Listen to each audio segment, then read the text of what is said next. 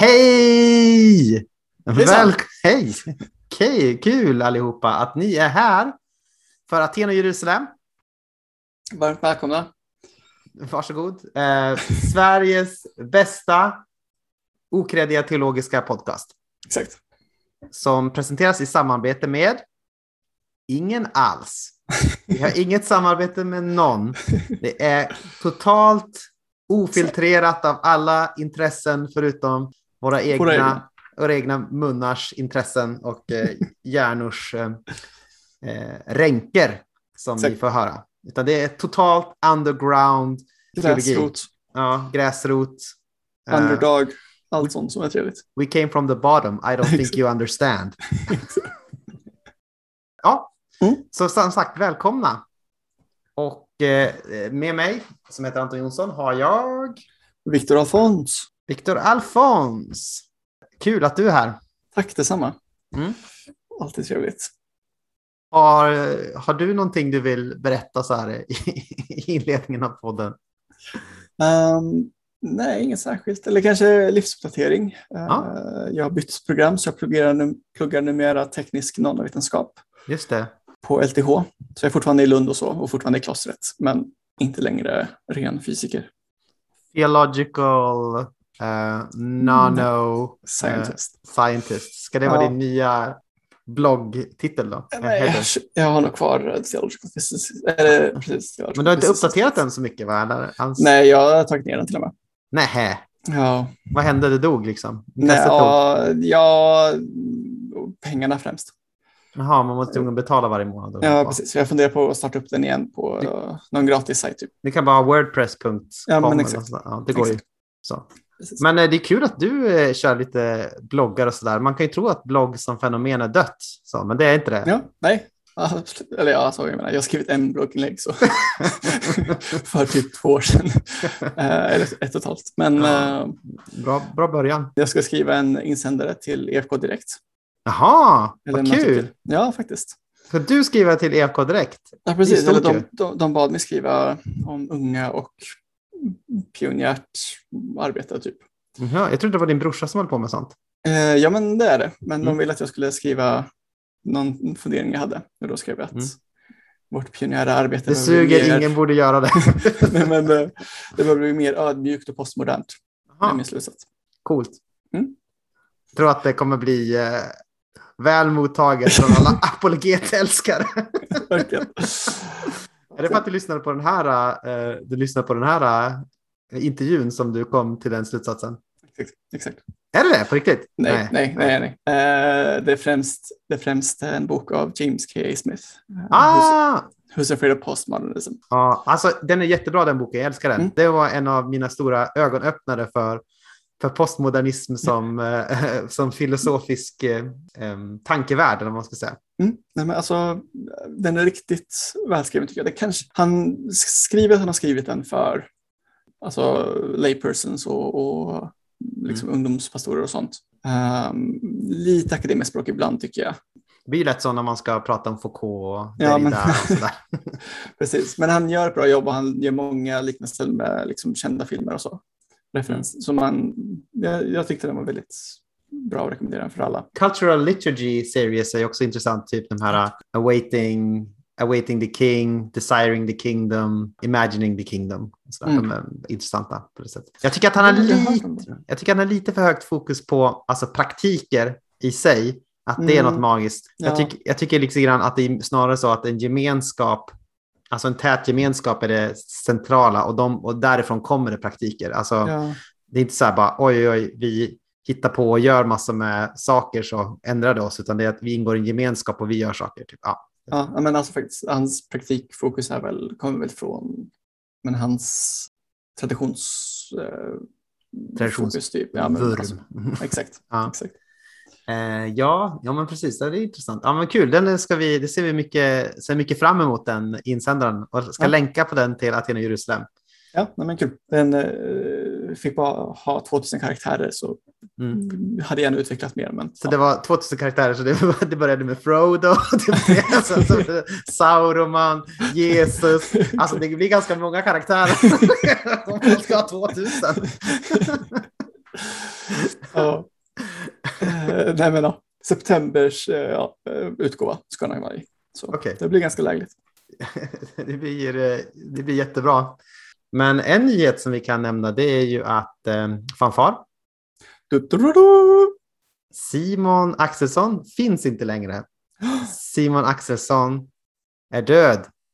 För numera finns bara Simon Forsberg. Bra! Simon har gift sig Hej! med Julia Forsberg. Stort grattis till honom. Eh, Verkligen. Simon är ju grundlagsfadern tillsammans med mig. Eller eh, founding OG. father. Som eh, rodde igång den här podcasten eh, 2014. OGAJ. Mm. och som numera för en sorts, eh, en sorts spöklik tillvaro i, i, i poddens historia som refereras till ibland och eh, hörs inte från så ofta. Grattis till Julia får jag också säga. ja, grattis till Julia. Fick, att hon fick Simon. Ja, verkligen. Det är ju ett kap. Jag, när jag gick på ALT så var hon med där också. Mm. Eh, väldigt härlig. Jo, men eh, jättefint.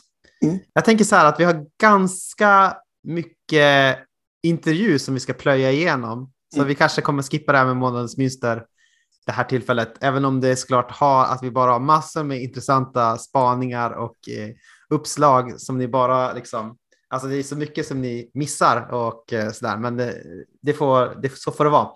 Min Eh, mönster finns ju i min artikel kan man säga. Jag Ja. lite på frikyrkans högmod. Ja, just det. Jo, Malkas eh, Shungulashvili ska vi intervjua med reservation för uttalet. För detta ärkebiskop i evangeliska georgiska, nej, evangeliska baptistkyrkan i Georgien kanske man skulle översätta det till. Och numera är han biskop i den här kyrkan eh, i Peace Cathedral, fredskatedralen i Tibs, Tib, Tbilisi. Tbilisi. Mm. Eh, och eh, Ja, bara det är ju intressant att han eh, har ärkebiskop och biskop dels, för det är ju ett titel som vi vanligtvis inte har. I EFK så kallar vi ju missionsdirektorer, Mm. eh, kallar vi ju de personerna som har någon sorts överblick kanske. Mm. Och eh, ja, vanligtvis föreståndare kallar vi den som är liksom, den, man- det som man skulle översätta, det som man senare översatte biskop till kallar vi ju föreståndare. Och det är Mm. den som är liksom huvudpastor eh, i citattecken i en kyrka. Mm. Så vi håller inte på med så här, att prata om biskopar och så där. Men det gör man i den här kyrkan och det är intressant. Estetiskt eh, påminnande om en ortodox kyrka. Mm. Eh, man kan bara googla lite grann så ser man liksom hur det ser ut och så där. Det Liturgiskt till viss del också. väldigt, ja, men rätt väldigt liturgiskt skulle jag säga. Eh, Alltså liturgiskt likt. eh, ortodox. Ja, väldigt liturgiskt likt. Ja, precis, du har rätt i. Ortodoxa kyrkan. På många sätt en väldigt, ja, men väldigt intressant och väldigt unik, en väldigt unik eh, plats. Så. Den georgiska baptistkyrkan. Och eh, också eh, Malkas har varit den som, de som har lett de här reformationen, kanske man kan säga, i den här eh, riktningen. 1990-talet och framåt. Så att, ja, men det är väldigt intressant. Så det finns mycket, mycket det vi pratar om. Vi pratar en del om islam, eh, Mm. kyrkans relation till islam, Interreligiösa dialoger. interreligiös dialog, pratar om, vad pratar vi mer om? Eh, lite grann homosexualitet Mm. på slutet nämner vi. Och så förföljelse av kyrkan under kommunismen. Alltså det är Ja. jätte, jätte, jättemycket vi har med i det här avsnittet. Så det är liksom en lång, härlig intervju som ni har framför er. Mm. Av någonting som ni antagligen inte känner till någonting om. Ja, men Eh. alltså väldigt bra fynd Mm. av honom. Eh, Ja, men det tycker jag. Eh, Mm. Det, gjorde, det gjorde ett bra jobb. Mhm, ja, men tack. Så det har vad ni har att se fram emot. Har du någonting som du vill pålä- tillägga? Pålägga? Eh, nej. Nej? Eh, ha det gött. Ja, då ses vi på andra sidan. Ha det bra.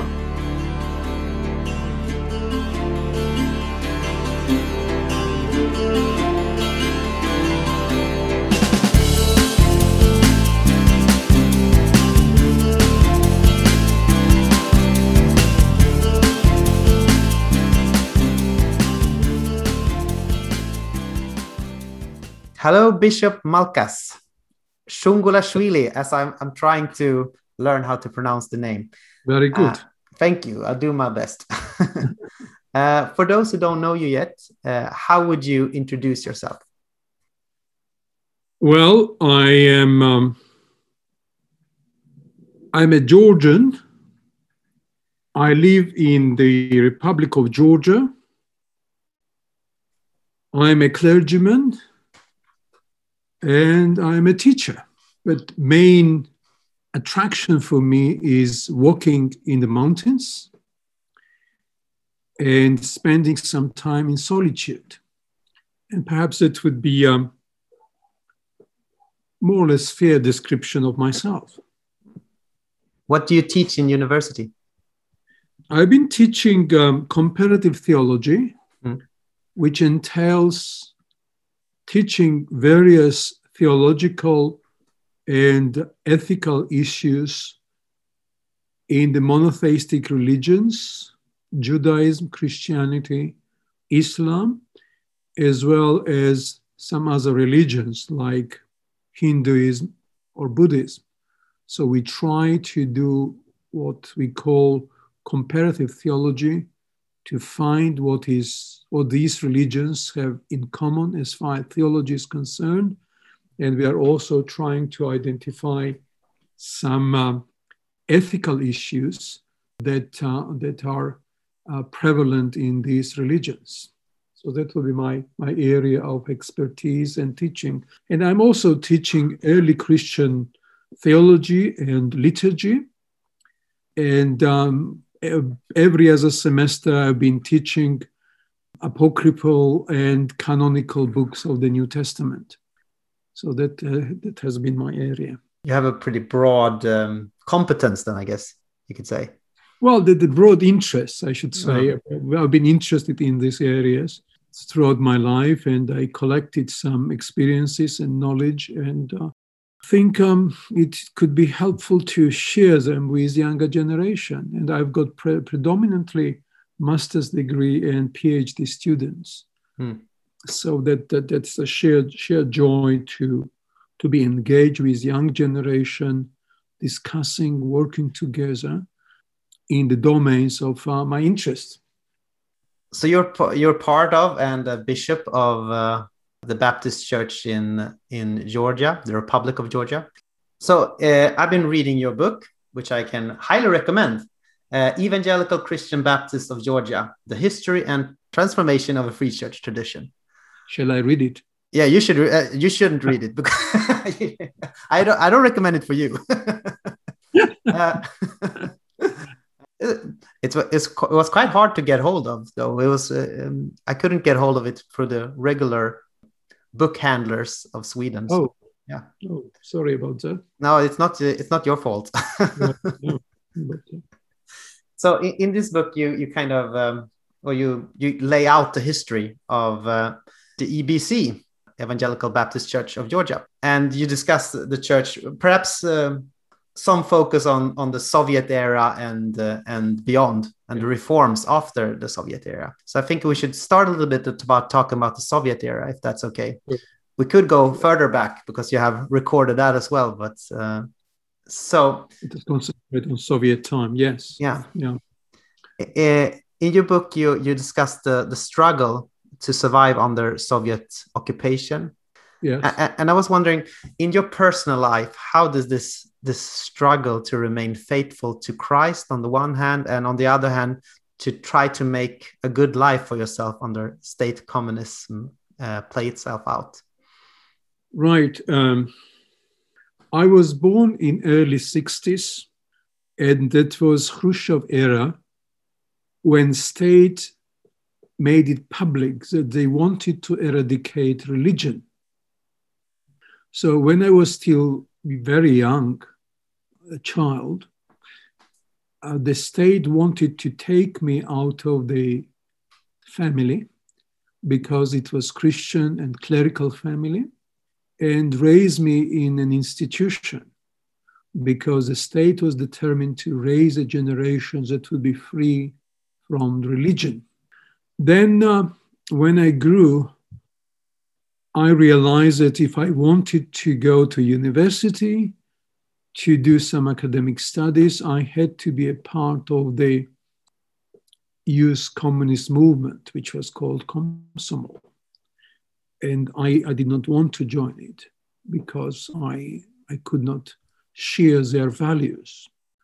uh, so um, when I was about to graduate from the high school, I had to to make a decision whether I wanted to be Christian, formally identified with with religion, or I would like to join the Komsomol, youth communist movement, and uh, seek for my academic career. So it was a struggle, and I, I think I was 17 years old. I had just turned uh, 18 was about turn 18 then I, I decided to to join the religion rather than come Komsomol. I knocked on the door of my father at 5 a.m., who was a clergyman and bishop for Tbilisi, and asked him to take me down to the river and baptize before I changed my mind. So um, poor man, he woke up and um, took me to the river and baptized there. So that was uh, my first conversion to religion. And uh, it happened to be Christian religion. But I had to go through two more stages of conversion be- before, before I came where I am now. But um, even though I did not join the Youth Komsomol movement, I had good grades and I was accepted at the university. And they found two years later that I did not belong to the Youth Communist movement. That they did not, they could not possibly imagine that somebody would dare applying the the university without being a member of the communist uh, youth communist movement. But when they found out that I was not, they um, they realized that it was it would be um, too embarrassing to kick out from the university somebody who was not a bad student. Mm. So um, I was called to the office of Youth Communist Movement and told that if I would keep my mouth shut, not saying that I was not a member of the Youth Communist Movement, they would turn blind eyes that I did not belong to the organization. So I continued my studies and uh, graduated from the university and was able soon to, to join university as a staff. And by the time uh, Soviet regime was start, had, had just started to loosen up under Gorbachev, and it was not as, as cruel, the regime, as it used to be and I was able to pursue my um, academic career at the university. Uh, but soon the Soviet Union collapsed, and then instead of being persecuted and sidelined by the state, uh, state ideology, I was um, persecuted by, by the Orthodox majority church. They did not wanted me to have to, to, to be on the staff of the Orth- of the university, which was training predominantly Orthodox students. So uh, this is how I managed. It was matter of perseverance, hard work that I managed to build up my uh, teaching career. And when the Soviet Union collapsed, I was I was mature enough and well prepared to take responsibility over the church. So uh, there were different stages of uh, of Soviet control of the church, Indeed. and among others, there's one of brutal repression in the in the 30s, and one uh, which I I really didn't know a lot about of a more quasi Constantinian uh, flavor. Yeah. Uh, could you explain the latter? And, and, and which which one do you think was the most harmful to the soul of the church? Well, I suppose I suppose even though 30s were brutal, mm. it, in Georgia it started in the late 20s and continued throughout the 30s and um, halfway through 40s. Those years were difficult for the church, for certain. And those years were formative age for our church. But something very interesting happened in that period. The Soviets started persecuted, persecuting male members of the community. Some of them were exiled to Siberia, some died there, some never came back. And those who came back were broken and we are not able to continue any ministries. And there was a sort of a miracle or feminine participation, participation in the work for the gospel. So um, women took over over the responsibility of the church and um, did the mission work, preached the gospel, uh, helped, they, they kept the church going. And as a result of their work, uh, by the end of the Soviet era, church was much stronger than at the beginning of the Soviet time. And that was owing to hard work of women whose role was ignored by the state. Mm. And sometimes I, I say jokingly that if the state, as Stalin wanted to eradicate religion, he had to get rid of women first mm. because the women represented the core and power of the church, and they did not let, let the church die. So that was a period, uh, what was, and that was a period that was difficult, but that was a period when people were genuinely committed to the gospel, mm. genuinely committed to their religion, uh, because religion was about risk taking.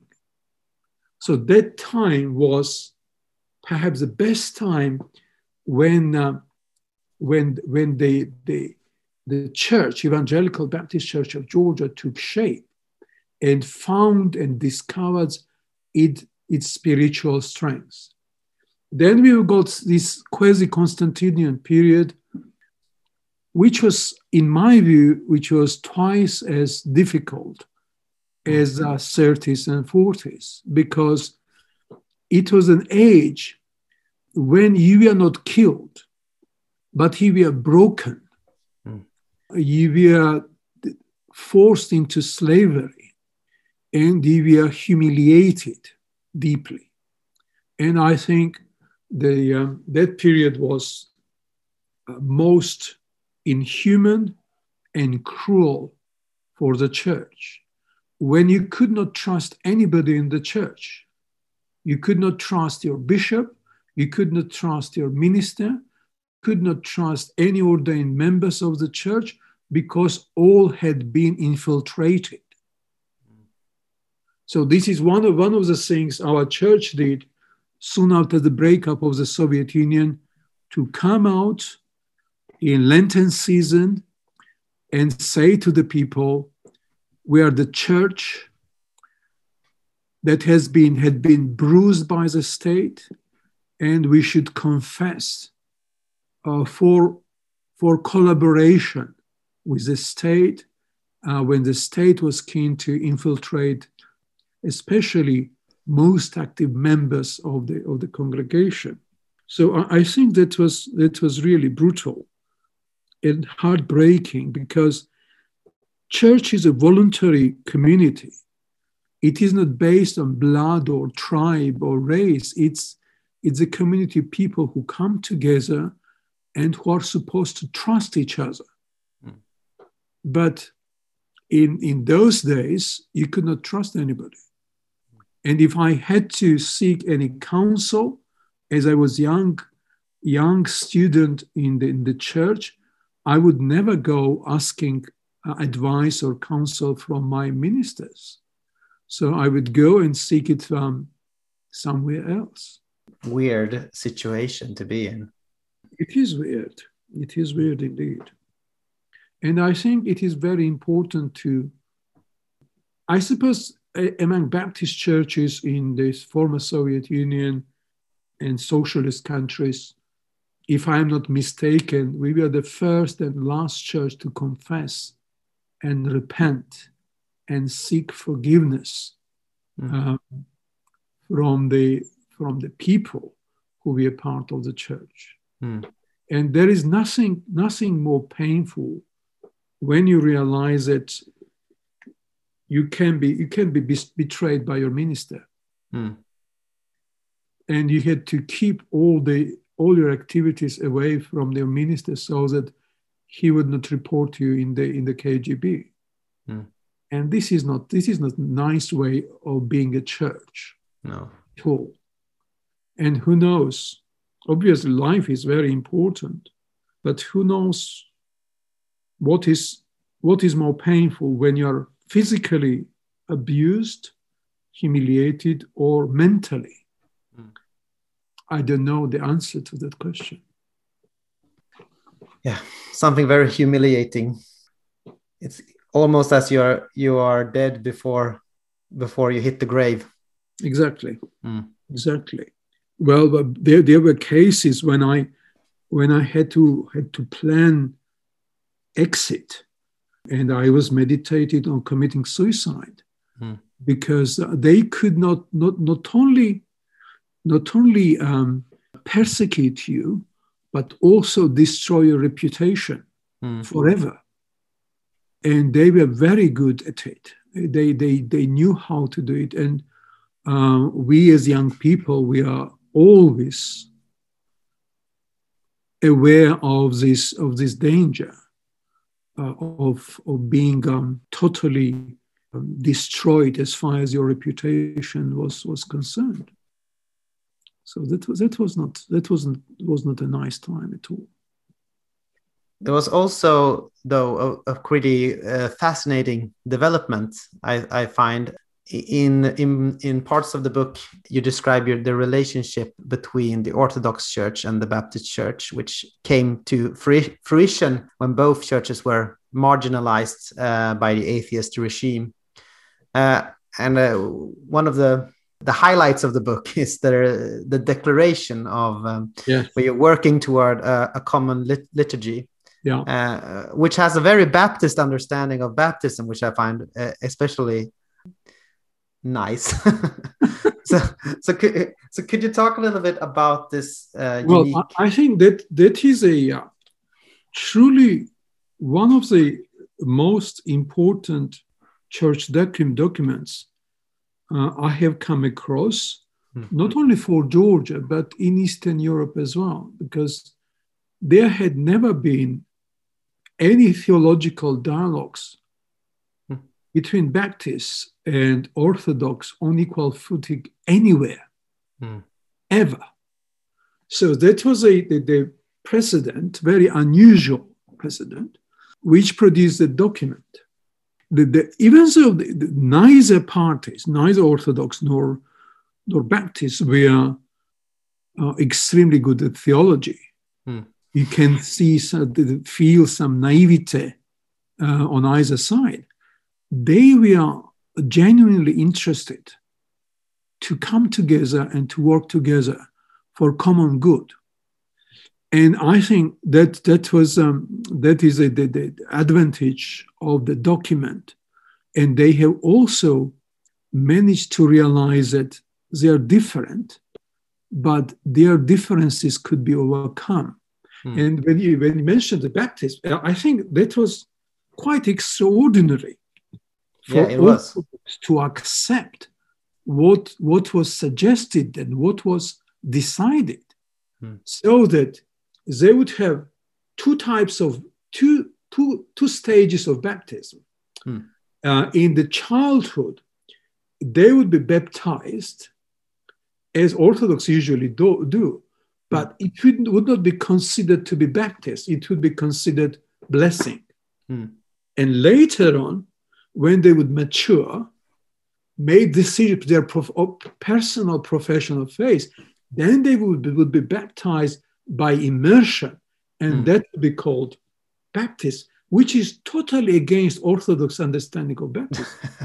so how could they possibly agree? I I don't know, but uh, I think there's something that is beautiful about this this document and the whole story is intention to overcome difficulties, and I think this is this is something we cannot see, sadly, in ecum- ecumenical work, uh, be it um, European Council of Churches or World Council of Churches or uh, local or national ecumenical organization, there is no keen desire to overcome the barriers for the common good, for the gospel, for sharing the message of God uh, with people.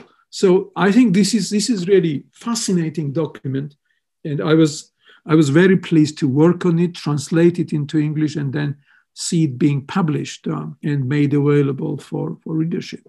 And I think uh, one of the main problems, I guess, is that uh, always when you when you talk in an ecumenical setting, there tend to be uh, one one dominant party and one minority, or kind of um, perhaps coming from um, a shorter tradition or um, yeah. or what have you kind of tending to be the submissive part and one being the dominant part and it's almost impossible to make something constructive or, yeah. or, or, or, it tend to be that the the lesser party should just subject and yeah. and uh, yeah. you know be immersed in the in the greater tradition and this i i guess that's the unique uh, advantage of this story that none of of the churches were really in a dominant uh, position no no and i think that, that that is that is the key to understand how could it possibly happen hmm. Um, the the same same person who was responsible for the dialogue from Orthodox side is still in charge of the Orthodox Church. Mm. But he has grown wild. He's mm. become anti ecumenical, anti European, anti democracy. democracy. So uh, we see the transformation of the church and its leader when they, they when they were able to grab more power, mm. the resources. And in those days, when the document was produced, um, neither Baptist nor Orthodox had an access to power or, or resources. Hmm. And therefore, the, this dialogue took, took, took place on equal footing. And these both sides were very keen to, to work together. And also something that I find rather prophetic in the, um, in the document, there was um, argument about cosmopolitanism and nationality. And Orthodox thought that uh, Baptists were too cosmopolitan, and Baptists thought that Orthodox were too nationalistic. Mm. So, and they, they, they, they discussed this matter very seriously. But after the breakup of the Soviet Union, what happened? uh, bears a witness that the Baptist concern was right, mm. because nationalism could, could seriously damage the church. And cosmopolitanism could be a help for the church to be faithful follower of, of Jesus of Nazareth. So I think this is this is very interesting dimension that the Baptists proved to be on the right side of history and um, ideology, I suppose. Yeah, I think that's um, that's kind of one main thread in your book. Uh, the contrast between Evangelical Baptist Church of Georgia on the one hand, which has a kind of a Catholicity, or the Baptist Baptist uh, tradition in general has a kind of Catholicity, wanting to embrace all nations, tribes, and tongues through mission and on the other hand, a more narrow nationalistic vision of, in the Orthodox churches, both the, the Russian Orthodox and the Georgian Orthodox. Yeah, so that's a, like a main thread I find in your book, and it's really interesting because we tend not to think in this way about these traditions. Uh, no, yeah, no, true. But it's a help, helpful, helpful perspective. Mm. So, so if, if, to skip ahead a little bit, you can say that Soviet uh, repression turned into neo-orthodox nationalistic repression. Yeah. So, so which one would you say was what is the hardest to live under, Soviet or neo-orthodox repression? I suppose Soviet, because mm. you know clearly uh, that um, Soviet ideology is um, is not friendly with you Mm. and has nothing to do with your understanding of humanity or, uh, or church or religion or philosophy. Mm. Uh, while with, um, with uh, political orthodoxy, you've got everything in common. Mm. You've got Jesus in common, Mm. and you've got Trinitarian doctrine in common, and you've, you've got uh, sacraments in common, you've got Eucharist in common, you've got everything in common. Yet you see that um, there is no way you can build genuine, authentic friendship. Mm. And I think it is poignant as well as um, sad. Yeah, it is. It is sad, and, and as you mentioned, this how the same church can can go from this really ecumenical and profound prophetic kind of witness to the unity of the church to this really aggressive and, and nationalistic uh, version of Christianity. Yeah, In a generation. yeah. Yeah. So the EBC has made a quite remarkable transformation. It started in the 90s, getting closer to Orthodox aesthetics, liturgy, adopting a more high church uh, leadership structure. And, and you, you say that this is due to a missiological concern. So tell us how, how is this high church style more missional in the Georgian setting? Well, Georgia is one of the most ancient Christian lands. And when you have rich legacy, rich history, it can be both blessing and curse. Therefore, the Georgian Baptists realize that in this culture, aesthetics, liturgy, uh, visual arts belong to the language. The culture is has been functioning for thousands of years. And if you want to speak to this culture, you have to speak the language, Hmm. which is not just a Georgian language, but it is also culture, aesthetics, iconography, religious expectations. Hmm. And therefore, Georgian Baptists realized that they wanted to be the church for Georgia, not for Baptists only. Hmm. They, they were very ambitious, being very small community, to say that we want to be the church for, for Georgia, realizing that, that there, there was already a church, a bigger, stronger, um, richer in history, uh, richer in resources, uh, nu- numerically greater, much greater. Mm. But they thought that, yes, we are small, we are the church, and therefore we would like to be the church for the people of Georgia. And uh, the language Georgia, Georgia people speak is, is this language as, as communication, which is broader than just uh, speaking Georgian language. So, this is why, from missiological perspective, the Georgian Baptists thought that that was their way to, to take without faintest uh, intention to play game. So we are not playing games. Hmm. I'm not playing bishop. I'm, I'm not playing, you know, priest. I'm the priest. I'm the bishop. And these icons are not toys. They are icons with sacred dimension. And Eucharist we are celebrating in the church is not a um, spectacle.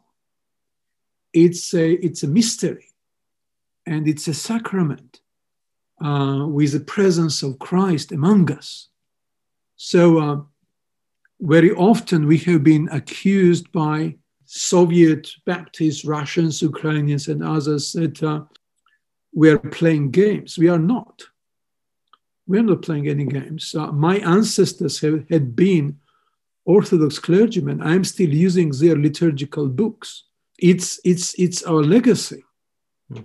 But what the Baptist tradition adds to our legacy is freedom freedom to choose, freedom to follow, freedom to make up your mind, and be in constant search for growth and uh, and what we call in in Eastern Eastern theology being engaged in the process of theosis, deification, acquiring qualities that on, only God owns and is attributed only to God. And this is forgiveness, acceptance, unconditional love. Mm. So if if you can call it a play, that's fine. We are playing that. It is if it is a game, we are playing this game. Mm. And if it is a game, it is God's game. Mm. And it is meant to to show solidarity with with a suffering world and with each and every member of the humanity and beyond. And uh, yeah, I, think that's important also the, the the thing that you mentioned that when we try to be incarnational, so to speak, or, or kind of become part of the culture. It is not just that we have a message that's pre-packed and then we kind of put some some uh, uh, drapes on it and and uh, it's just superficial. It's to be incarnational is to be changed, is to really adapt the culture you you come into and let it change you as, as well. So that you can speak uh, yeah. Well I, truly in that language. I think that that belongs to to our missiological vision mm. humility. Yeah. You don't come and say that now we have got the best message best christian message we are we are going to impose you. We come as humble disciples of christ and seeking christ in in the culture we are ser- serving. Mm, mm. So we are discovering Christ in the culture. We are not imposing Christ on the culture. Mm. And this is this is a paradigm shift for our church from being sort of imperialistic, hmm.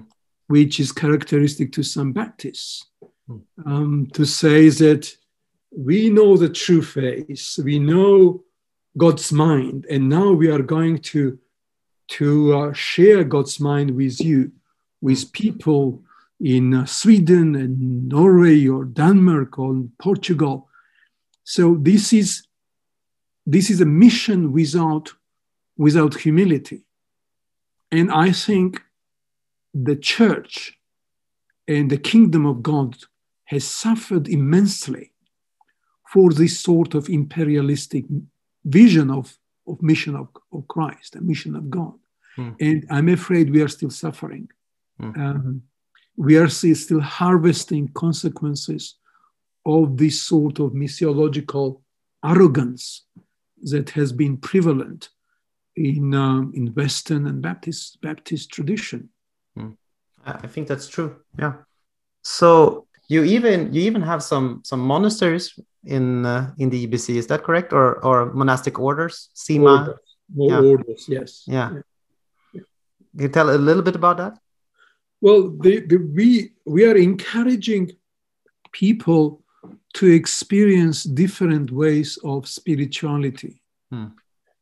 Contemplative spirituality, as well as different ways of being being Christian asceticism is, and um, also uh, solitude uh, that has been uh, the, the, gift of God to, to our community.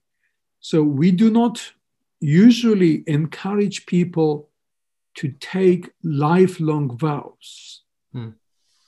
We, we encourage them to, to, to take short vows. It can be for a year or two or three years, but we always encourage them to, if they want to have long-term commitment uh, we encourage them to renew their vows every year mm. so that they do not feel obliged or um, forced to follow the, the rules they have decided to follow. Mm. So they, they always have freedom to back. But we are encouraging both men and women to experience um, spiritual discipline, solitude, time for prayer, silence. Uh, that that has been have been uh, uh, meaningful meaningful ways of enriching our spirituality. The kind of I this popped into my mind. It kind of resembles the Nazarite vows in the Hebrew Bible in a sense that it's um, a sort of asceticism that is um, bound for a certain for certain uh, Yeah. period of time. Yeah. Yeah, well, that is some some of the well for us. A key has been the freedom Mm. that should not be taken from the individual because we know how much people suffer. Some sometimes young monks and nuns make their vows in their early age and they feel trapped and they develop all sorts of psychological disorders. And if they leave the order and marry, then they also develop this uh, uh, the, the, the, the um, depression Mm. for, um, for betraying or for breaking their vows.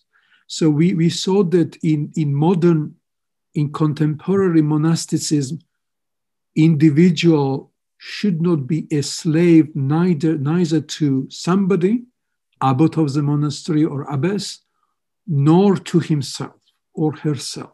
Mm.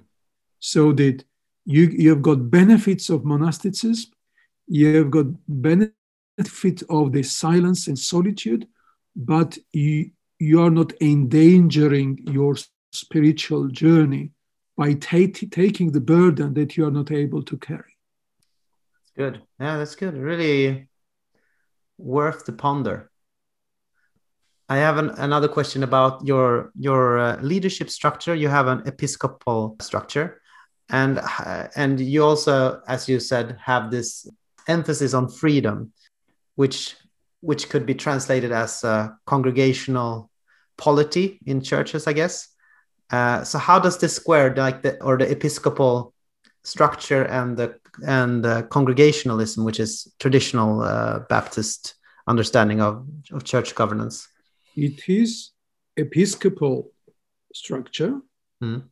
but it is monarch. It is not monarchical, so that it is not top-down relations. It episcop, the bishop, is a part of community, and he has been entrusted by the responsibility by the church to have responsibility over the church as the teacher and the guide. And this is where his or her responsibility lies theological and spiritual guide of the church. Obviously, bishops have to make some administrational decisions, but all the ministers do the same. Um, that, that is not that is not same as being monarchical in our episcopal structure. Therefore, if we can can try to identify it as a as a mixture of congregational and episcopal structures, as far as the Georgian Evangelical Baptist Church is concerned, so it would be a fair way to describe it. Mm. Um, obviously, we have got bishops, we have got uh, ministers and priests, and we have got deacons, which makes threefold ministry of the church. Mm. And it's about functions and not privileges or power. And um, decisions are made usually in, uh, in conversation with the con- congregations as well as with bishops and the synod. So it is fairly, fairly democratic in its um, its structure Mm. and its uh, and its um, uh, practice. So one other remarkable change that's been happening in the EBC is a growing relationship between the EBC and the Muslim communities in Georgia. So, how did this friendship come about, or conversion, as you I think you call it in another place? Well, it is not only with Muslims. Hmm. We are building friendship with different communities, different faith communities, hmm. both within and without the country.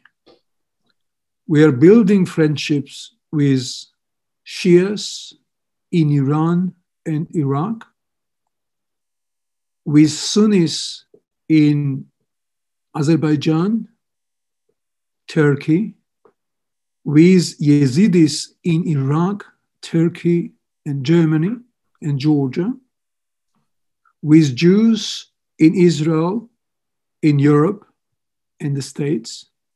So we, we have become a sort of church which is embracing religious families and uh, learning from their experiences. We have got particularly strong relations with Sufi community in uh, Sufi Mevlevi community in Turkey, and we find these, these relations extremely enriching. It started in 1999 with the Chechen Russian war when uh, Chechen refugees started to come to Georgia seeking refuge. It was a life changing experience both for me personally and um, the, the, the transformation for my, my community when we first started working doing relief work among Chechen refugees. But that was just the beginning. From 1999, we started building confidence among people of other faiths. And it took a lot of time because Baptists and evangelical Christians have been known as proselytizers. So when we did the work in the refugee camps, people were always wondering why we would we do that? What was our genuine intention? Was it to help or was it to proselytize? So we, as early as 99, we, le- we, we decided not to be tempted to use humanitarian aid and relief work to seek conversion of people. We, we, we made no, no attempts, no single attempt to distribute Christian tracts or literature or um, convince people to change their faith. What we did was, I believe, and I said it many years ago, that um, we did more we were presenting presence of Christ among the refugees. And it was far more important than trying them to convert to Christianity or distributing some evangelical tracts. And um, the history showed us that that was the right decision.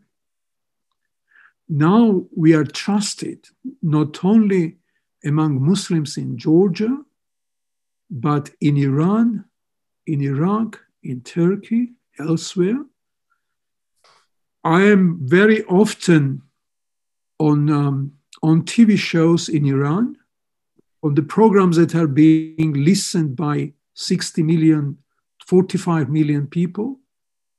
So this, this decision in 1999 paid back. We have got full trust and full access to the hearts and minds of Muslim brothers and sisters. Same was true among in, in Yazidis. We, when we visited the first time Yazidi refugee camp of the Nineveh Valley uh, in the aftermath of um, massacre of Yazidis, they would not trust us. because they had seen some, some American and British evangelicals using their, their devastation and their suffering uh, to try to convert them to, to, to Christianity, which was, in my view, totally immoral.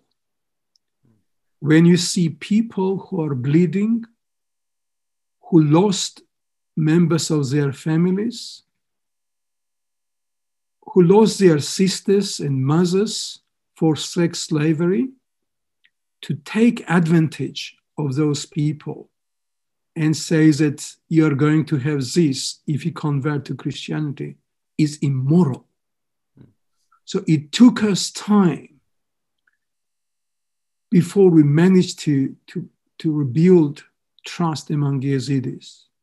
And I had to offer my apology, apologies on behalf of Christianity and Christians, both in Iraq, in Georgia, and wherever Yazidis live. Whenever I am invited to talk Yazidis, the first thing I do, I say, I'm sorry.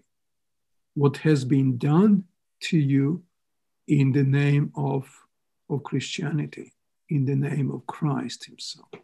And then, after having offered apologies, then they open up and they speak of their pain and suffering and what they experience.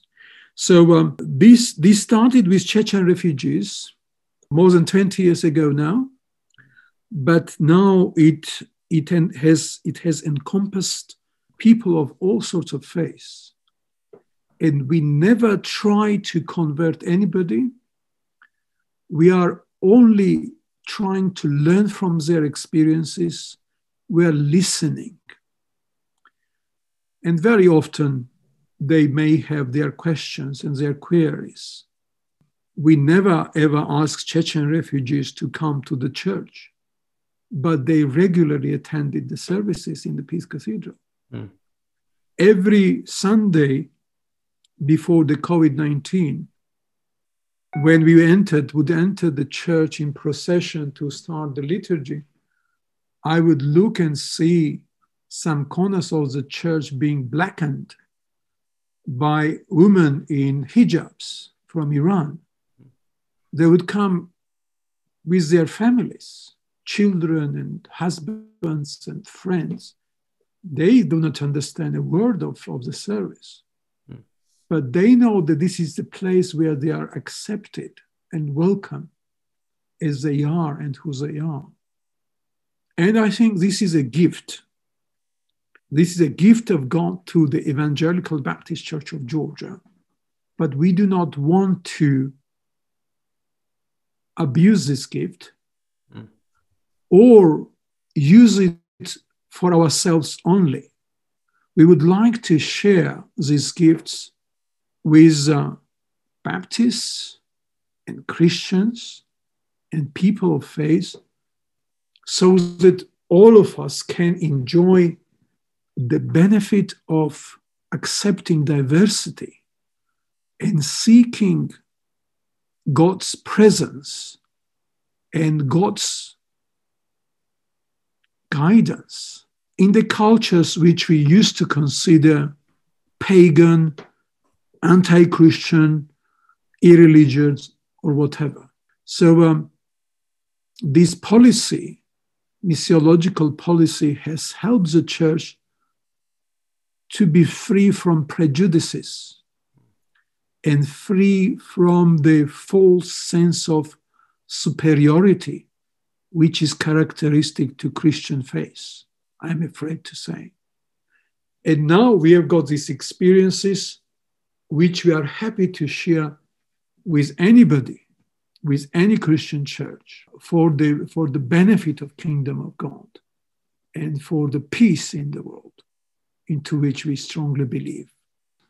There's a tendency to kind of talk down to uh, other faith so that you can convince your own faithful that it's a good idea to convert them. uh, to kind of misrepresent and to make um, strawmans of other religions. Yeah. We tend to be dominating, we tend to be having this uh, sense of superiority, Mm. which is a betrayal of the principle of gospel, which is based on humility of, um, of the, the, the messenger Mm. of the gospel. I think that one one story that kind of talks about this humility or sort of uh, incarnational idea of mission is that there there were local policemen in Georgia who were beating up uh, Muslims who who were identified by not wearing crosses, and you then, uh, together with other members of the church, uh, refused to wear crosses in solidarity with the Muslims. A sort of put down your cross and follow me uh, moment, uh, if you will. Well, I, I think I learned it long ago that when nasty thing, things happen in our lives, we have to react to it. Mm. We can't ever turn blind eye to it. There is always that something could be done, even if your country is being invaded.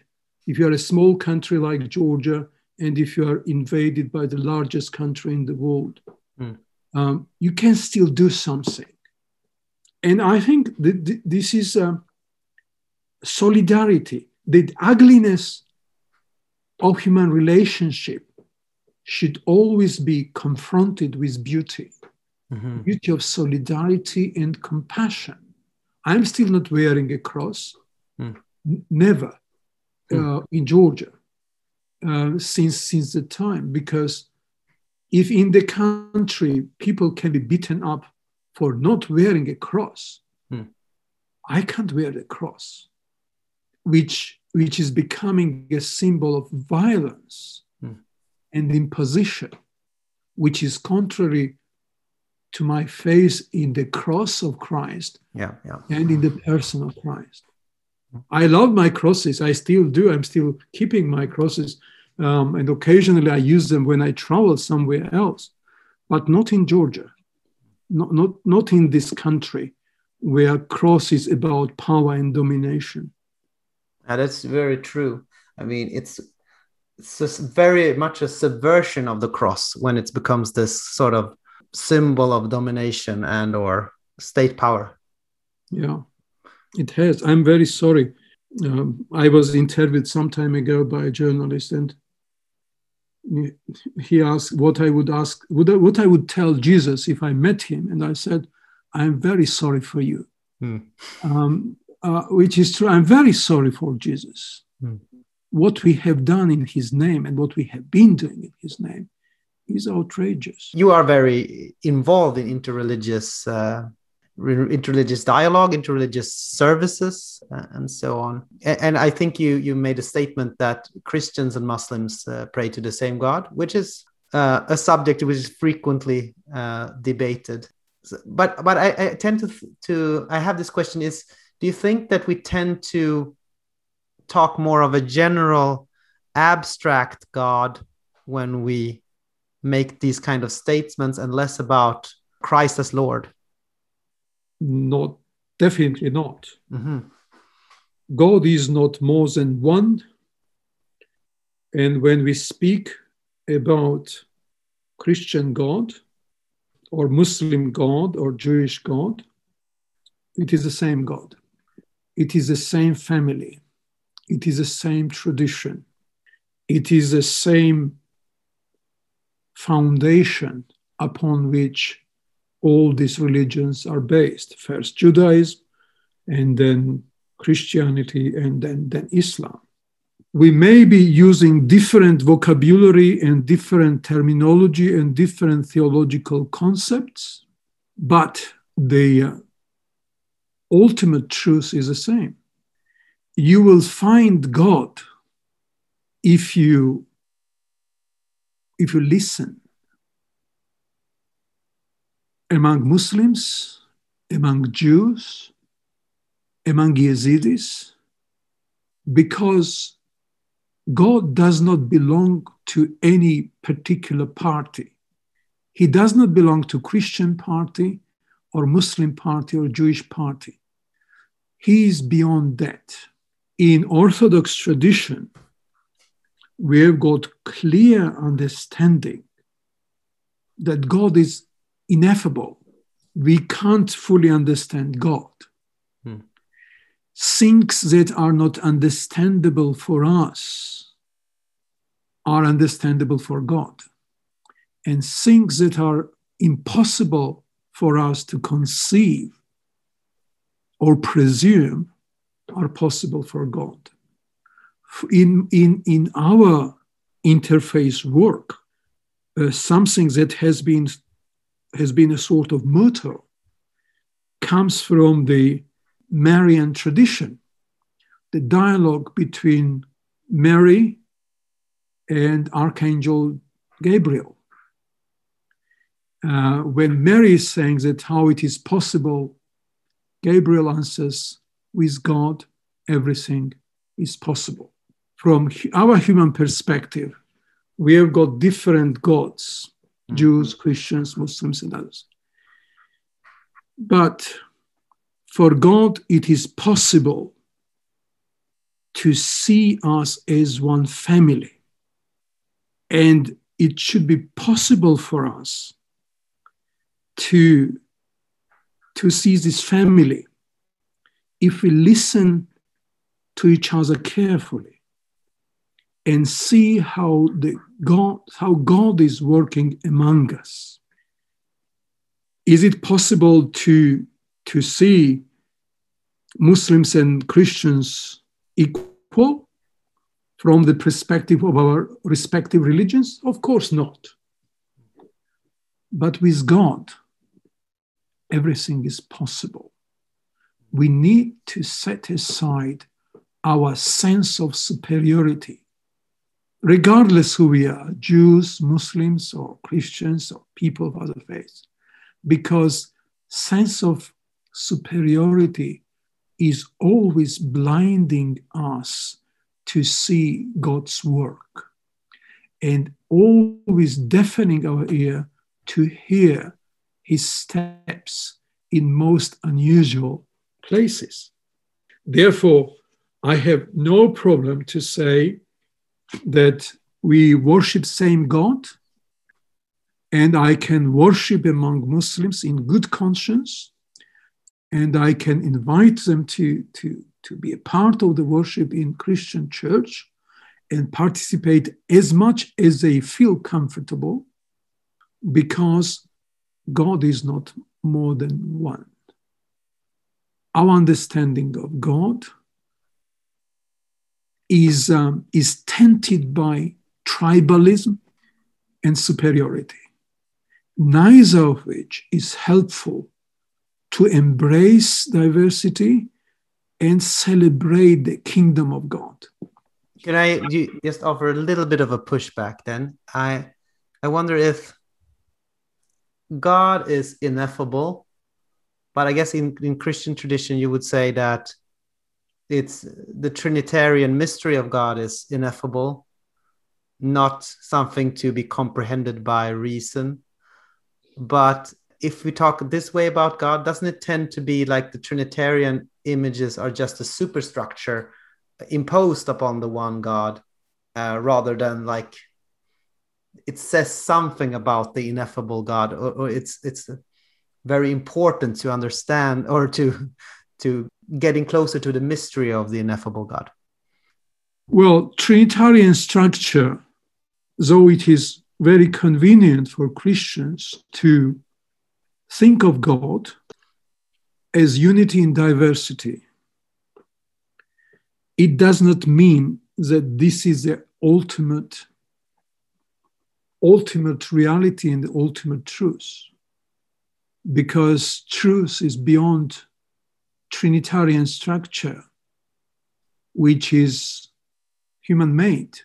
It belongs to the human culture. God is beyond human culture, yet he or she communicates with humans through the culture.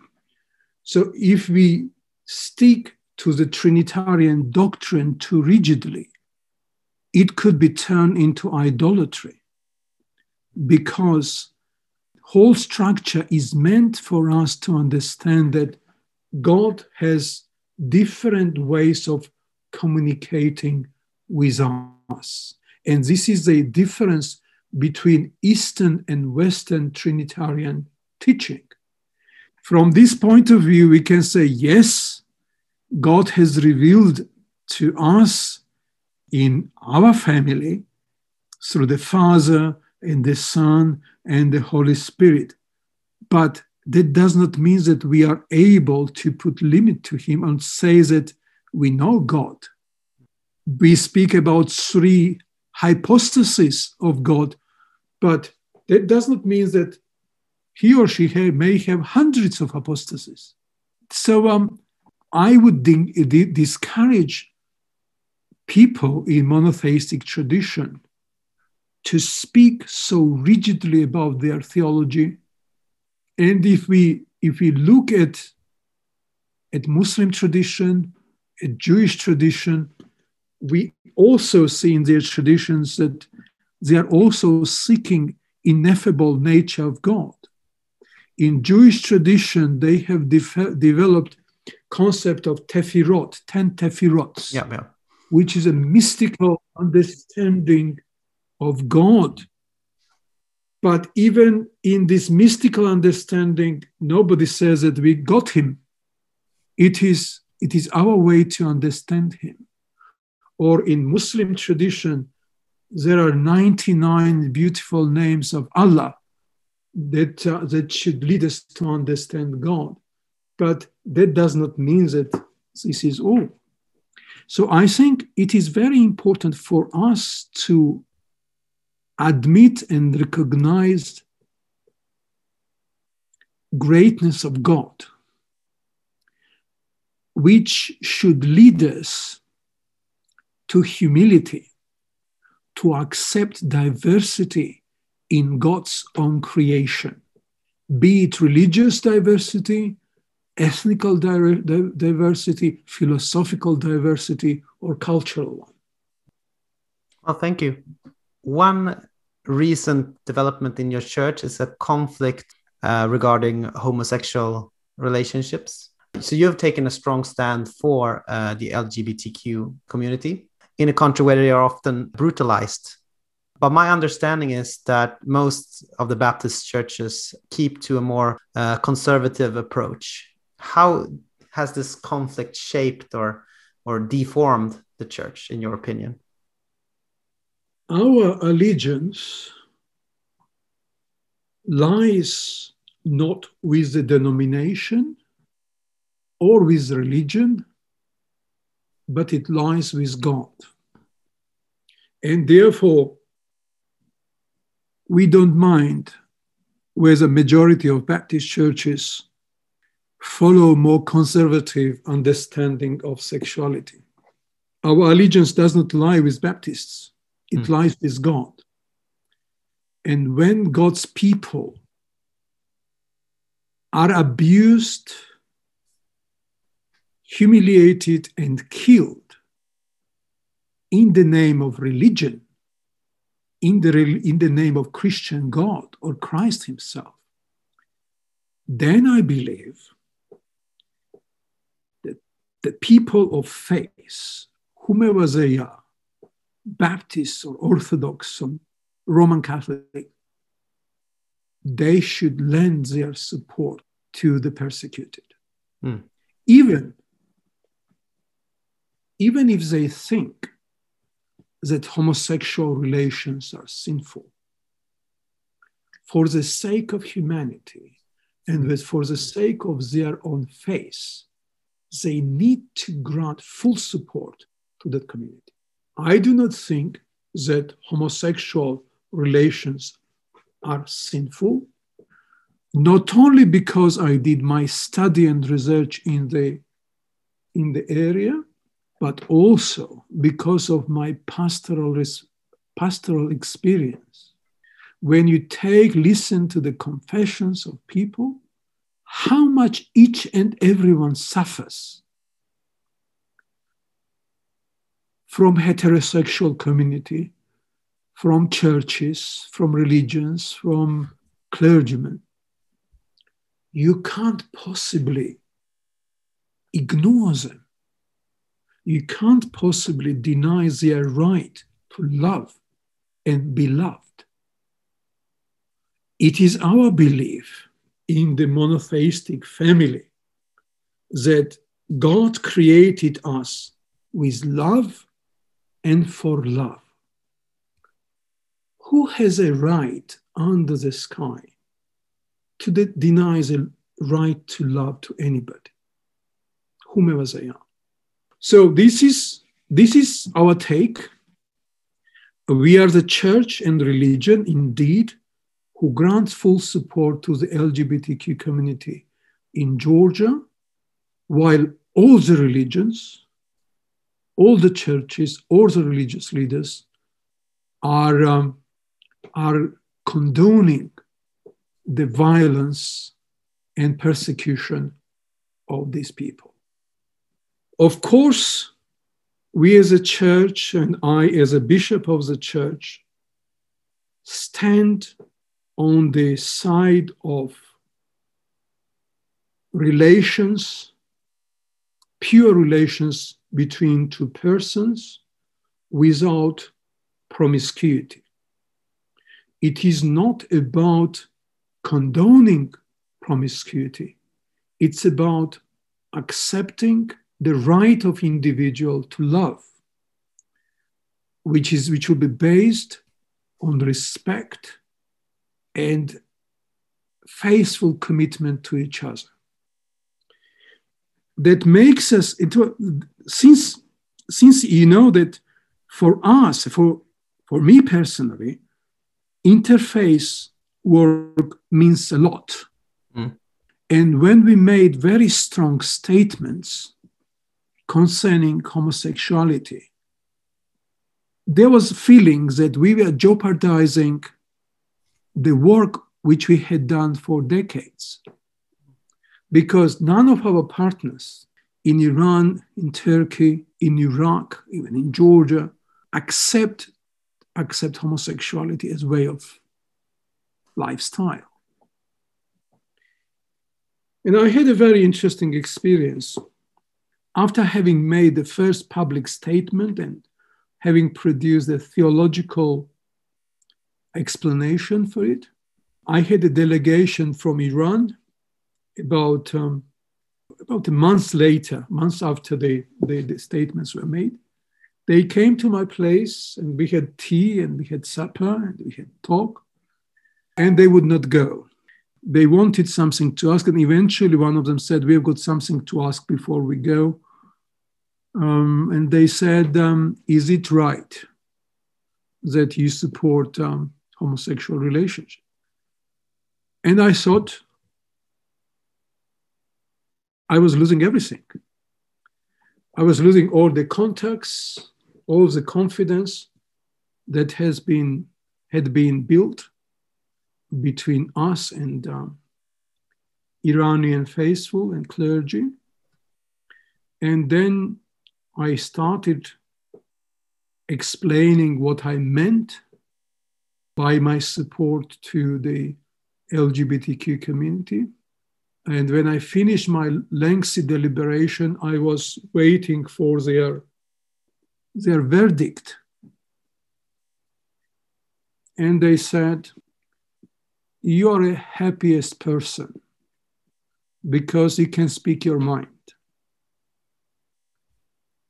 We think the same way, but if we make, make it known in our country, our heads will literally roll. So um, I found this um, very moving and encouraging to see that Iranian Shia theologians have been thinking about this matter, discussing them, this matter uh, in private, and have come to the same conclusion this issue obviously is highly political and politicized, and I'm fully aware of this dimension. But for me personally, it's not about politics, but it's about lives of individuals whom I know in person, whom I have listened in person, and and I am and I'm aware fully of their decades long suffering because of their identity. And nobody should be persecuted for their identity, whomever they are and whomever they can be. And this is this is our take. When when you when you positioned yourself this way, obviously you're aware that there are always costs involved. And for us, it was about, about having split in the church and um, tension, which continued about four years before it started to settle down. How did it settle? Because I, I got the impression that it was a very strong fraction of the EBC who were opposed to same-sex relationships and kind of a minority who were positive or so to speak no, that is wrong mm-hmm. that is wrong 80% of clergy are positive mm-hmm. majority of faithful have conscientiously made their their decision to take this position it cost me to give up my archiepiscopal responsibility. It cost me to give up certain a certain position in the church, which helped people to realize that this issue is too important to be ignored. And even the ministers in rural areas would say that we do not understand this matter we do not understand how it works. This is how we have been taught. But if, if there is a different interpretation of the scriptures and also about the issue, we are ready to listen. But it took four years before we get, got, got there. And for the time being, we have got no, no clergyman among the young newly ordained clergy who would have any homophobic attitude at all. So no split in sight then? Well, the split took place four years ago. Mm-hmm. But um, majority of clergy and laity have decided, even those who did not fully accept uh, accept um, my take on homosexuality, they would say we do not understand it. We consider it to be sinful, but it is also twice as sinful to persecute them for their identity. Hmm. So, but this is this was something I could live with, uh, both with clergy and congregations. So there is uh, two uh, denominations then, Baptist in in uh, Georgia uh, now. They they the fringe that that was very clear to say that they would not live under the same roof, ecclesial roof, with the, the bishops and clergy who accept homosexual relations hmm. left the church. Oh, okay. They have not formed their identity as yet, but eventually they might. Some of them left but came back later on. Mm-hmm. Very interesting. I think we will go through something similar in Sweden soon. Uh, soon. Soon. we'll see. I got uh, two questions that we ask every guest on the podcast. And uh, the first one is Who is Jesus Christ? Jesus Christ is my master. And I've been speaking on his behalf, both in the churches and uh, mosques and synagogues. And wherever I preach in interfaith context, this is how I start saying Jesus is my master, I am his disciple, and I'm speaking to you. Mm.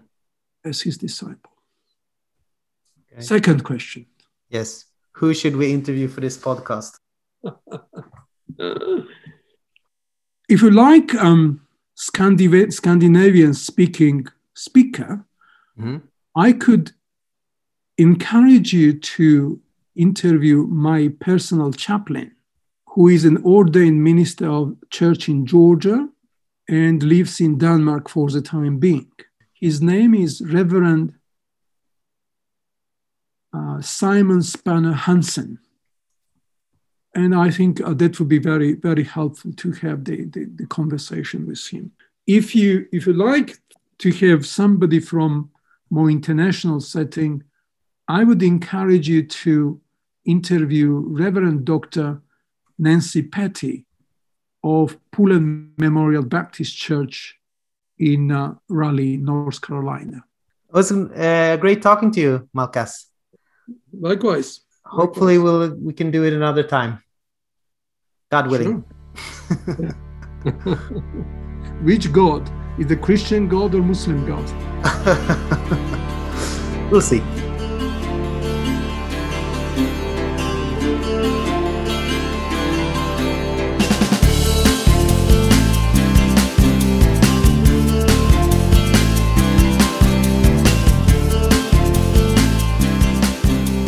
Hej och välkomna tillbaks till eh, eftersnacket. Eller ja, välkomna tillbaks till oss och nu välkommen till eftersnacket. Mm. Ehm, hoppas ni hade en mysig stund med Malkas och Anton. Ja, men det tror jag att ni hade. jag, jag vet att jag hade den när jag lyssnade igenom det här i alla fall. Ja, precis. Och du är ändå talande. på ligger nära genomsnittslyssnaren kanske. Eh, vad, vad var dina spontana reaktioner efter det här eh, samtalet? Du som inte var med.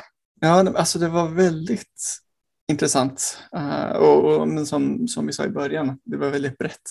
Mm. Ehm, både liksom, med förföljelsen och olika sorters förföljelse. Liksom. Mm. Och att alltså först liksom, sovjetiska staten och sen ortodoxa kyrkan, liksom, båda inte var så snälla. Men ärligt talat, det jag fastnade mest för var nog rel- religionsdialogen Mm. ehm, och hans syn på det.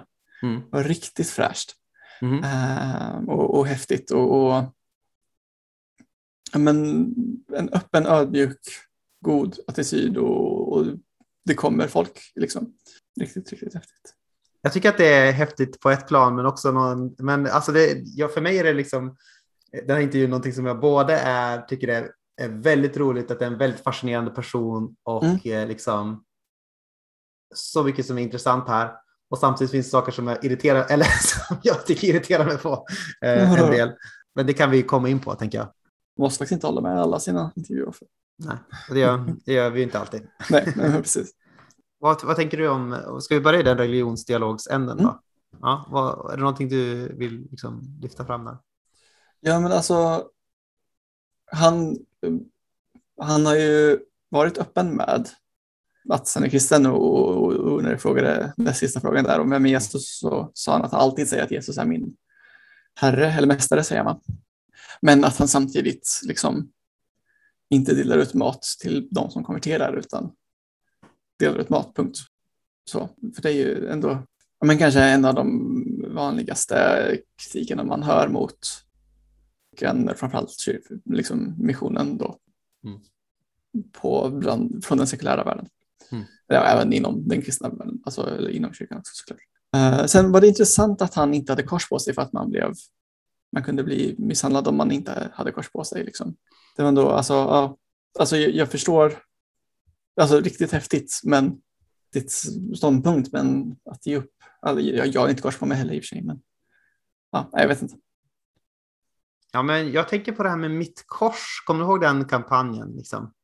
Uh, vagt minne av det. Ja, det var ju, jag kommer knappt ihåg det heller, men det var ju, det var ju en, en, sorts, en sorts kampanj där man skulle liksom visa upp sitt kors. Eller något så. Jag kommer inte riktigt ihåg vad det var för någonting, men det var att man skulle liksom hålla upp, ta ett kort och hålla upp sin, ja men eh, hålla upp en bild på sitt kors och så var det någonting om typ religionsförföljelse tror jag att det var. Ah, okej. Ja. Alltså om förföljelse av kristna och sådär. Mm, mm. Att man skulle visa upp sina kors och så. Mm.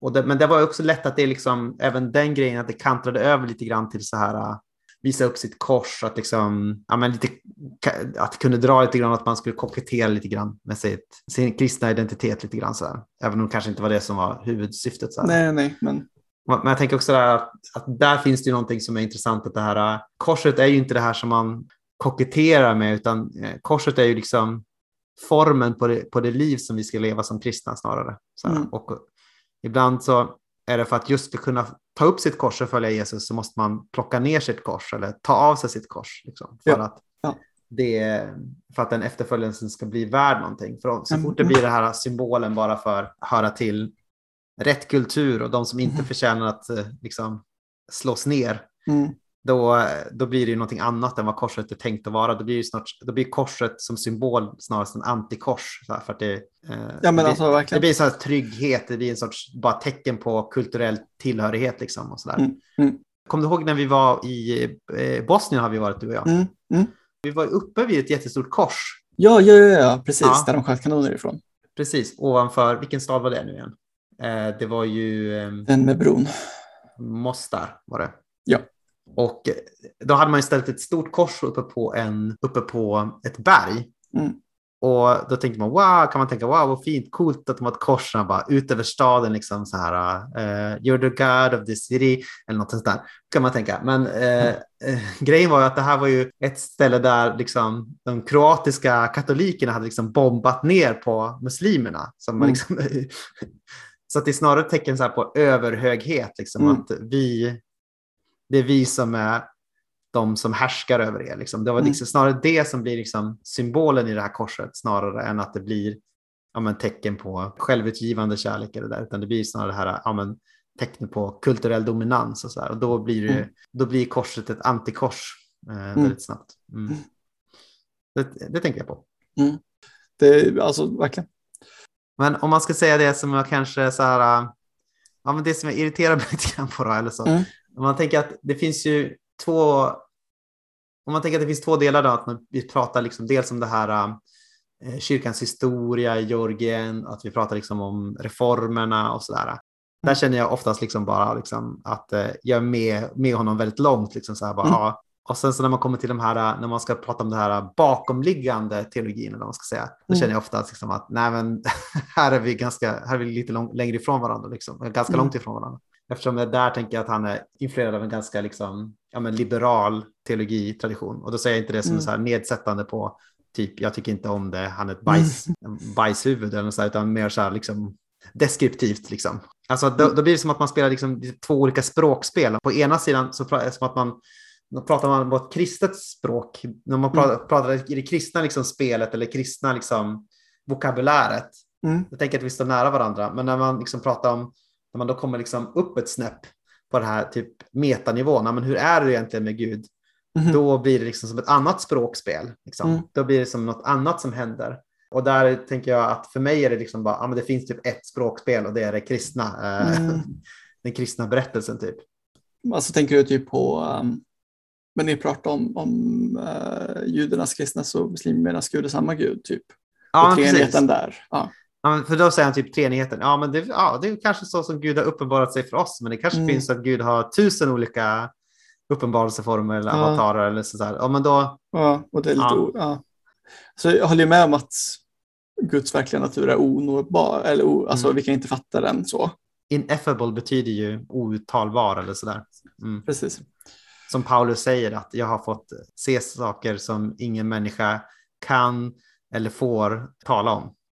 Men det känns ju nästan som att han menar att Gud på riktigt inom citationstecken inte är treenig. Uh, han sa ju inte riktigt det, men ja, det känns som att det lutar åt det hållet. Typ. Ja. Eller håller du med om, min, om det jag hörde? Hörde jag rätt tror du?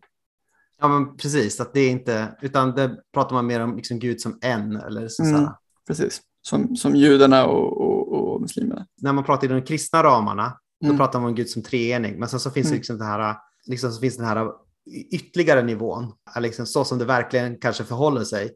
Mm. Och då pratar man inte om Gud som treenig, liksom, mm. utan då, ja, då, då kom, använder, man, använder han ett annat språk. Liksom, sådär. Mm. Jag tänker också på det när, när Joel och eh, Patrik, Joel Halldorf och Patrik Hagman pratar i Läsarpodden om islam. Och så här, då, säger de också, mm. då, då, går de tillbaka till den här ja, men då går de tillbaka på en så metafysisk nivå och säger ja, men Mm. Det är klart att de tillber samma Gud eftersom båda tillber det, det enda goda, liksom, det, det sköna, det rätta. Mm. Liksom. Och då finns det ju bara en. Liksom. Det, det Mm, finns ju bara mm. en sån. Per definition så tillber vi samma Gud. Och tänker så här, om man, om man den, eh, alltså att prata på det metafysiska sättet eller så, Mm. det är ju... Jag tänker att det, det kanske inte är det sättet som Bibeln är så intresserad av att prata om. Utan Nej. det är ju, Bibeln utgår mer från ja, men vilken berättelse identifierar sig den här guden genom. Vad är det för berättelse i interaktion med människor som, som, vis, som den här guden liksom säger att det här är berättelsen om mig, typ. Mm. Eller det här säger någonting om mig. Mm. Eh, som Robert W. Jensen, en teolog, har sagt att eh, God is whoever raised Jesus from the dead, having first raised Israel out of Egypt. Mm. Alltså där börjar man. Man börjar med eh, historien, Mhm. eh, eller den här berättelsen. Alltså. Mm. Alltså att, eh, och när vi ska börja prata om vem Gud är så Mm. börjar vi inte med liksom abstraktioner eller med Guds argument eller liksom metafysisk idé om det enda, det högsta, Mm, det goda, det goda liksom, utan vi börjar med berättelsen. Liksom. Mm. Mm. Om, när vi ska säga vem Gud är så måste det första vi säger är eh, whoever raised Jesus from the dead having first raised Israel out of Egypt. Alltså, Mm. Det är den berättelsen som är liksom där, Mm. där vi lär känna Gud framför allt. Och jag tänker den bästa metafysiken är Mhm. ofta liksom i bartiansk mening när man liksom tar berättelsen om Jesus, säger att det här berättar oss hur Guds vara är. Liksom. Mhm. Och det, till exempel att Gud har alltid, Gud har alltid varit den som har inneslutit människan i sig själv. Gud är Mm, alltid mm, den som är Immanuel, Gud med Mm. oss. Liksom. Eller jag tänker, det är mer min utgångspunkt, liksom, att man börjar med berättelsen. Man, det är liksom det djupaste eh, sanna nivån som vi som människor kan nå fram till. Eller så där. Och då är det liksom som, ja, men då tänker jag med, med judarna så delar vi en ganska stor del av den berättelsen. Sen så har de Mm. ett helt annat liksom, tolkningsförfarande av den här delen som vi delar, men ändå. Mm. Och i, med muslimerna så delar vi till viss del den här berättelsen, men den är liksom, den är liksom kanske lite mer radikalt omberättad, liksom, eller vad man ska Mm. säga. De menar ju att Ja. eh, både GT och NT är omskrivna än originalen. Mm. Precis, så, där, så det blir ändå en sorts eh, skillnad som jag liksom, tycker är värt att diskutera om någon ska Mm, prata om mm, sådana här mm. frågor. Ja. Mm. Men finns det ingen plats för metafysik? Jo, det var det jag sa. Ja, men, men, alltså, men Ja. i, i, interreligiös, alltså, i interreligiös dialog. Inget, men till exempel i, Romarbrevet 1 så pratar, jag om, pratar Paulus om, om eh, typ, eller är det 1? Ja, men i Romarbrevet i alla fall, Mm. eh, början där, eh, om, om hur Gud uppenbarat sig för alla. Mm, Ja, de här teologiska begrepp- begreppen om, om allmän och särskild uppenbarelse. Liksom. Mm. Kan vi inte prata om den allmänna uppenbarelsen utöver eller bortanför eller så mm, berättelsen, Bibelns berättelse? Ja, men jag tänker, om man ska använda den så leder den ju ofta fram till väldigt vaga slutsatser Mm. Jo, jo. som inte säger så mycket om Gud. Absolut. Alltså det blir ju den här typen av, ja, det blir, det blir eh, ganska vagt liksom och ganska så här eh, obestämt. Mm. Eh, och det kan man ju hålla på och röra runt sig i, men det kom, man kommer inte så långt på det. Nej, det nej, men, jag, tänker, jag tänker på ett sätt att det inte är den mest eh, intressanta nivån. Liksom. Kan vi tänka oss att det finns någonting större? Ja, det kanske vi kan, men Mm. liksom, vad, vad har det att göra med oss? Liksom? mm, Utan det blir intressant när gummit möter vägen liksom, och vi, mm, vi börjar prata om att Gud vill, vill någonting, att Gud förmedlar sig till oss genom Mhm. eh, historia och sådär. mm, mm. Jag vet inte, men det, det är bara en sån tanke. Jag tänker bara att det liksom är generellt sett en, att det är liksom ett litet jedi mind trick att börja i, i den. Liksom, men att liksom säga bara, ja men vi tillber samma gud på grund av det här metafysik, metafysiska antagandet. Liksom. Mhm. Det är ganska ointressant och eh, inte liksom det jag tänker att det inte är det tillvägagångssättet som Gud använder för att uppenbara sig själv eh, så mycket. Ja, så jag vill bara, så det har vi dissat det. det. Och Mm. att jag vill, att jag liksom, jag vill hela tiden hålla på med kristet språkspel. Det är det Mm. enda jag vill göra. Liksom. Även, även, i, även i samtal med Ja, jag, muslimer. vill, till inte- jag vill inte ha någon annan. Jag, jag, är inte intresserad, jag är inte så jätteintresserad av någon annan nivå. Och då Nej. undrar man, ja, går det att vara ödmjuk om man har den inställningen då? Ja, Det är frågan. ja. Vad tror du, kan man det? det känns svårt. Ja, möjligtvis om man, men då måste man ju gå utanför, men då blir det ju lite det här, för mig är det här absolut sant, men för dig, alltså det blir det här kanske mer populära postmoderna synen. Aha, Eller eh, att liksom, det är sant för dig men inte för mig. Ja men precis. Ja, jag vet inte. Jag tänker att en enkel lösning är ju det som Jesus säger när han skickar ut de tolv lärjungarna. Mm. Eh, och 72 också. Ta inte med er något guld, eh, silver, inte mer än en skjorta, Mhm. inget, eh, ingen stav. Mm. Jaha, Och, ja, att man blir ödmjuk på det sättet. Alltså att det, det Jesus säger ju är ju att när ni går ut till evangeliet, då är det, med evangeliet, då är det inte ni som ska komma med massa med coola saker som ni ska ge till Mhm. andra. Mhm. utan det är snarare ni som ska vara beroende av andra. Ni kommer till ett hus, om det bor där en fridens man så tar han Mm. emot er. Mm, mm, Och, eh, sådär. Men om de inte tar emot er, ja, då ta bort dammet från era fötter liksom, och gå Mm. vidare. mm. Eh, alltså, det, det, är ju, det tänker jag är snarare eh, det är en sorts ödmjukhet, att man, inte, att man kommer snarare som den som är beroende av dem man kommer till Mhm. än att de ska bli beroende av mig Men då, det är så ju, snabbt som möjligt. Ja, men det är ju det är en slags ödmjukhet, en materiell ödmjukhet, men det är ju, man har ju fortfarande ett ska säga, intellektuellt eller, eller sannings, sanningsanspråksmässigt över Men har inte han det också då på det sättet han säger liksom... att Jesus, ja, inte Jesus det också menar du? Eller, Jo, eller nej, men han, eller ja, du menar, eh, ja, ja, ja, att man ja, säger alltså, liksom att, ja, okej, Ja, men eh, alla har väl det. ah, utifrån, eh, ni sitter där med era partikulära traditioner Mm.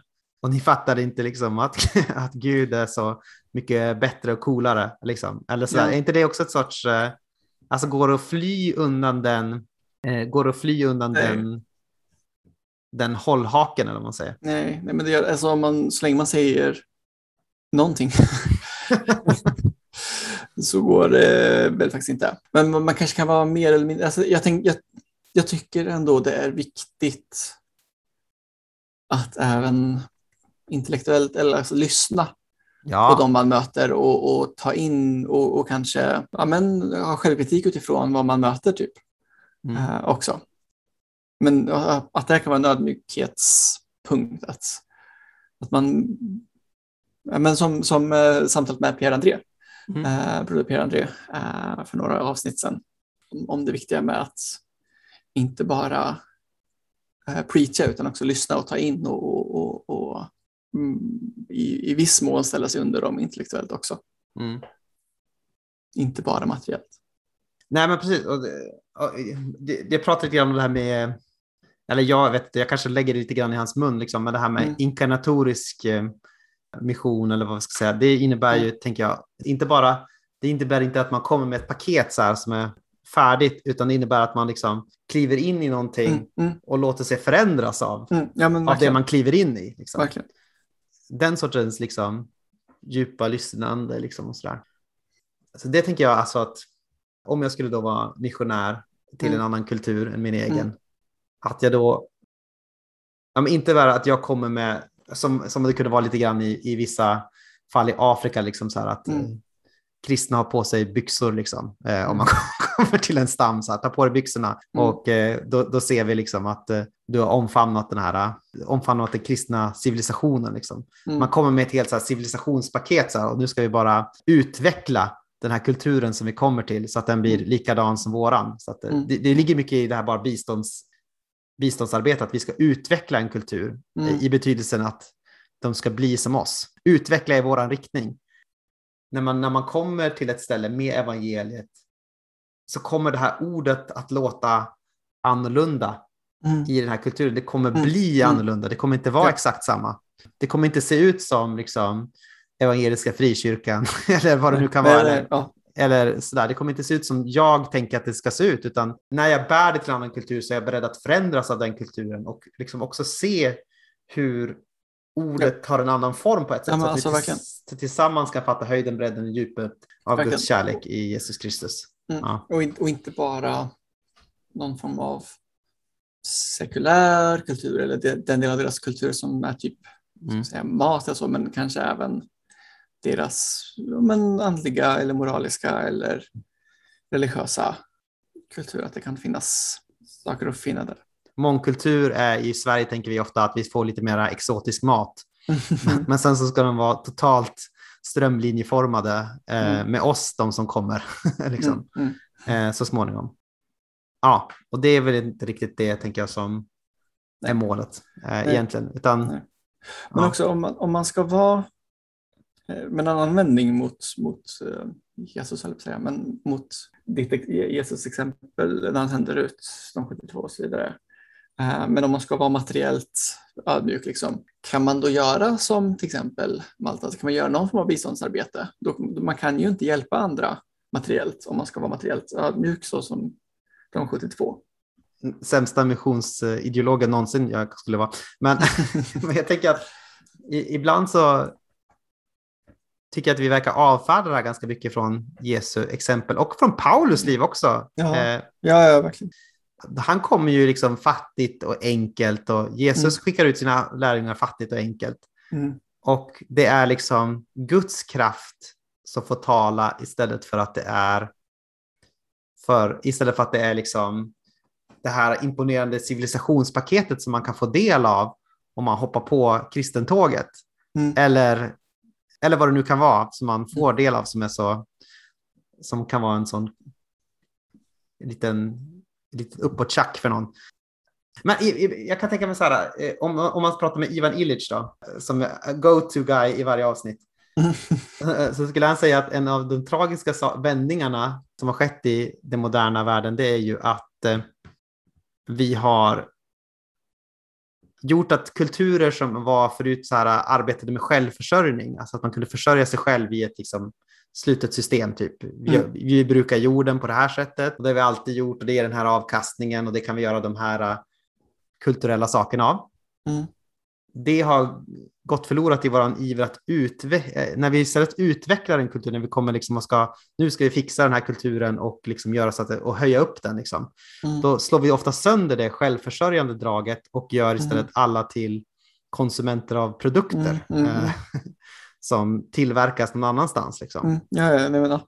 Så det finns ju där, det finns också någonting i liksom, bistånd kanske behöver mycket mer handla om att försöka upprätta såna här, eller hjälpa eller stötta såna här självförsörjande kulturer, att försöka se till att deras skickligheter kan leva vidare i typ nästa århundrade. liksom. Ja, alltså, för, det det, för det är det vi behöver på något sätt. Verkligen. Men, men och det finns flera välgörenheter som jobbar med just det. Typ eh, Heifer International gör exakt det. Vet, Mm. eh, så H-E-I-F-E-R International. Eh, Mm. Jag tror det är en slags ko. Eh, men, Alltså, alltså, den de här röda kon eh, Eh, som är i. Bibeln. Ja, ja. den är en heifer. Ehm, men, men, alltså, men det är ju, även om, om ar- biståndsarbete ska vara mer på det sättet så är det ju inte att man kommer och är beroende av dem man kommer till. Mm. Nej, nej, det så är det ju. Men eh, det är väl någonting som man, jag tycker man kanske strävar lite mer i den riktningen liksom, Mm. på något sätt. Mm. Allt, mer, en mer, allt mer ödmjuk materiell Mm. mission. Mm. Franciscus vad gjorde väl så, kan vi tänka oss. Tiggde ju. Mm. Ja, jo, ja, men, Men bi, bidrog ändå med, också kanske med en sorts materiell hjälp, liksom, med vård av spetälska som ingen höll på med. Hon var ju ja. samtidigt inte liksom, tillhörde ju fortfarande de fattigas skara, eller vad man ska säga, ja. eh, på ett, på ett eh, plan. Ja, nej, precis. Det finns my- mycket man kan eh, gotta in sig här. ja, det någonting mer, är någonting mer du vill säga, lyfta från intervjun? Då, tänk? Men det var intressant. Jag tyckte det var extremt intressant. Mm. Eh, han pratade med shia-muslimer om, om eh, samkönade Mm. eh, förhållanden och äktenskap. Att de sa att Nej, men vi håller med dig, men vi kan inte säga det. Liksom. Mm. Det var det bröt lite stereotyper hos mig. Och jag tänker en sak som är viktigt, nu har vi ju den här stora samkönade debatten i Evangeliska Frikyrkan där jag är Mm. aktiv och du också tror jag. Kanske? Visst? Uh, ja, nej. jag har åsikter men ingen... eh, No, nomin, nominellt eh, eh, Ja. engagerad. Mm. Eh, men, jag tänker att det är intressant för då kommer ofta det här missionsargumentet upp, liksom, att vi kan inte bryta Mm. Folk, i tre, folk i, utanför Västeuropa fatt, skulle inte fatta oss, vi skulle liksom tappa all kontakt. Men det finns ju Mm. så här, uppenbarligen exempel som i till exempel Baptisterna. ja, baptisterna i Georgien och eh, shia-muslimerna att, eh, att det finns, ja, det, det, kanske är, det kanske inte är så svartvitt som man tror. Liksom. Mhm. Nej men verkligen. Utan här här är det någon som har, inom citattecken, då, gått före till exempel Mm. ja, EFK. Och, så att jag tänker, det, där, måste, där får man inte låsa sig så mycket att ha det, liksom, det pragmatiska argumentet hela Nej. tiden, utan om man ska, om man ska ha eh, liksom, traditionella äktenskapsteologi, då får man, då får man ha, göra det på, sin, på sitt egen, Sina egna ben. Ja, ja, det får stå på sina egna ben, tänker jag. Mm. Absolut. Men det, det var intressant att även, vad var det han sa, Ehm, de mer rural, alltså landsbygdsbiskopar och så. Visst sa nej nu kanske jag hittar på, men jag tror han sa att de generellt var mer emot. Mm. Först liksom för de, ja, men vi har inte vuxit upp med det här och så, men om ni, men att, de var, att även de var öppna liksom. Mm. Och att ja, men majoriteten tydligen till slut, eller Mm, mm. alltid var. Nej, jag läste hans bok från 2016 och då, var det verkligen, då, kände, då fick man verkligen inte känslan av att det var majoriteten utan Nej, okej. att det var... Eh, Men sa han inte det nu? Jo, nu var det det. Ja, ah, okej. Ja, det var, där, det, det var därför ah, jag ställde frågan som jag gjorde. Ah, jag fattar. Ja, fattar. men eh, ja, precis, det är intressant. Mm. Mm. Men 2016 var det ju även utanför kyrkan inte så jättemycket i Sverige eller så. Eller liksom. Det har hänt mycket på, alltså, mm, alltså, alltså mycket på, men inte lika mycket som nu. Det är inte lika, det var, Mm. då, då var det inte lika accepterat som nu. Ja, liksom. så att det, Ja. precis, det var ju... Sen tror jag att Georgien är ju det stället där det, var, där det är typ mest mot lagligt samkönat äktenskap i, i typ Europa. Eh, om Mm. Europa är i större mening då än eh, Mm, Ja. det närmsta Europa. Ja. Så att eh, så där är det ju ganska, fortfarande ganska motkulturellt eh, Mm. ställningstagande. Ja, nej, men sant, sant. Det är inte Kan att man böjer sig för kulturen utan det är för att de tycker att... Det, Vi refererar ju lite ko- korta till Brutalized och det var ju att det var typ så här ortodoxa präster som typ slog eh, Pride-deltagare och höll på mm, och så där. Och att det, alltså det var jättestor liksom, motrörelse som gick, gick till angrepp. Liksom, och så där. Och det, kan, det tycker jag väl definitivt att man, man måste hålla med. Liksom, att eh, det spelar ingen roll vad man har för äktenskapsteologi. Man måste, man måste stå på hbtq-människors liksom, juridiska sida. Eller, vad man, eller kanske mm, på deras, alltid vara ett skydd för dem. Så, och sen kan, det är ju en evig diskussion om man kan vara det om man inte, om man inte Viger. dem eller sådär. Mm. Men, ja. Men de, de väger ju väl? Eller? Va? Att jag är rätt? Att jag rätt? Att Jag vet inte, de, jag vet att de inte vigde 2016 men jag Okej. ställer ingen följdfråga. Men jag antar Nej. att de viger nu då. Det måste ja, det, det, kändes framgår, som det. Ja. fram, det, sen så gissar jag att det är liksom eftersom det är kongregationalism Ja, i, någon, i någon form att det, det är olika olika kyrkor. Men absolut. är min gissning. Jo, om jag ska få säga en, en till sak där så tänker jag att det här med sann kyrka. Mm. Apropå det här med ortodoxa kyrkan så är det väldigt viktigt att man är en sann kyrka.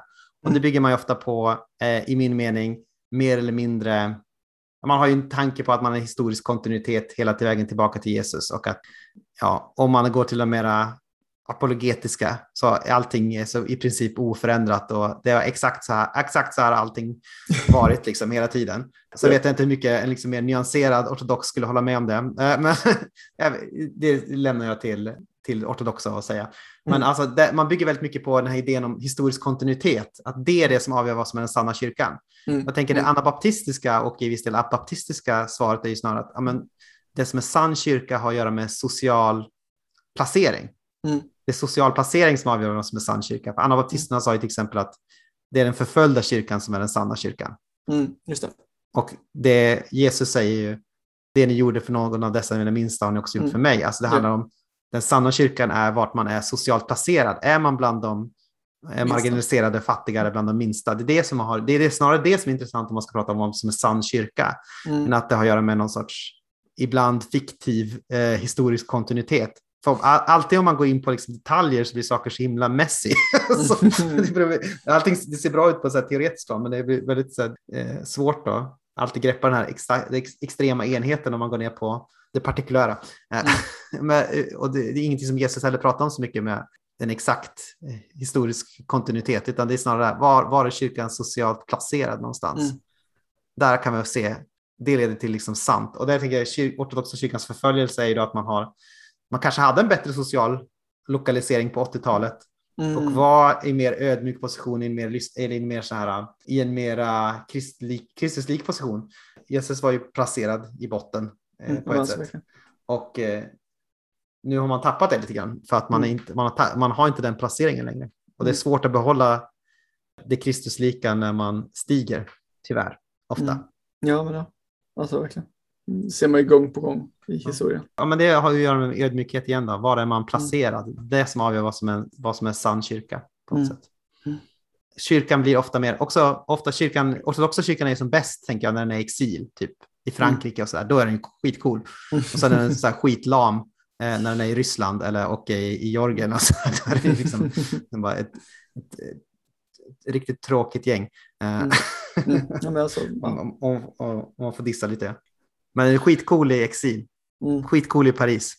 Verkligen. verkligen. Mm. Man kan ju inte heller jaga förföljelse direkt. Nej. Man alltså, så. Det är farligt. Nej, precis. Det är snarare att göra med vilka man har bland sig. Liksom, Ja. som, mm, och vart man Man är. söker sig till och kallar till sig. Liksom. Som vanligt så bara har jag så mycket att säga att jag bara babblar på. Ja, men det är bra. Mm. Det är därför vi lyssnar. Mm. Eller Wow. de lyssnar. Ja, kanske. Jag tror det. Eh, Men tack för att ni lyssnar på, Mm. eh, på oss. Vi finns på Facebook, och Twitter, Gmail, Patreon. Skänk en slant. Stödjas gärna. Ja, men precis. Eh, extra material utlovas från detta avsnitt bland annat. Skicka en glad tanke ibland.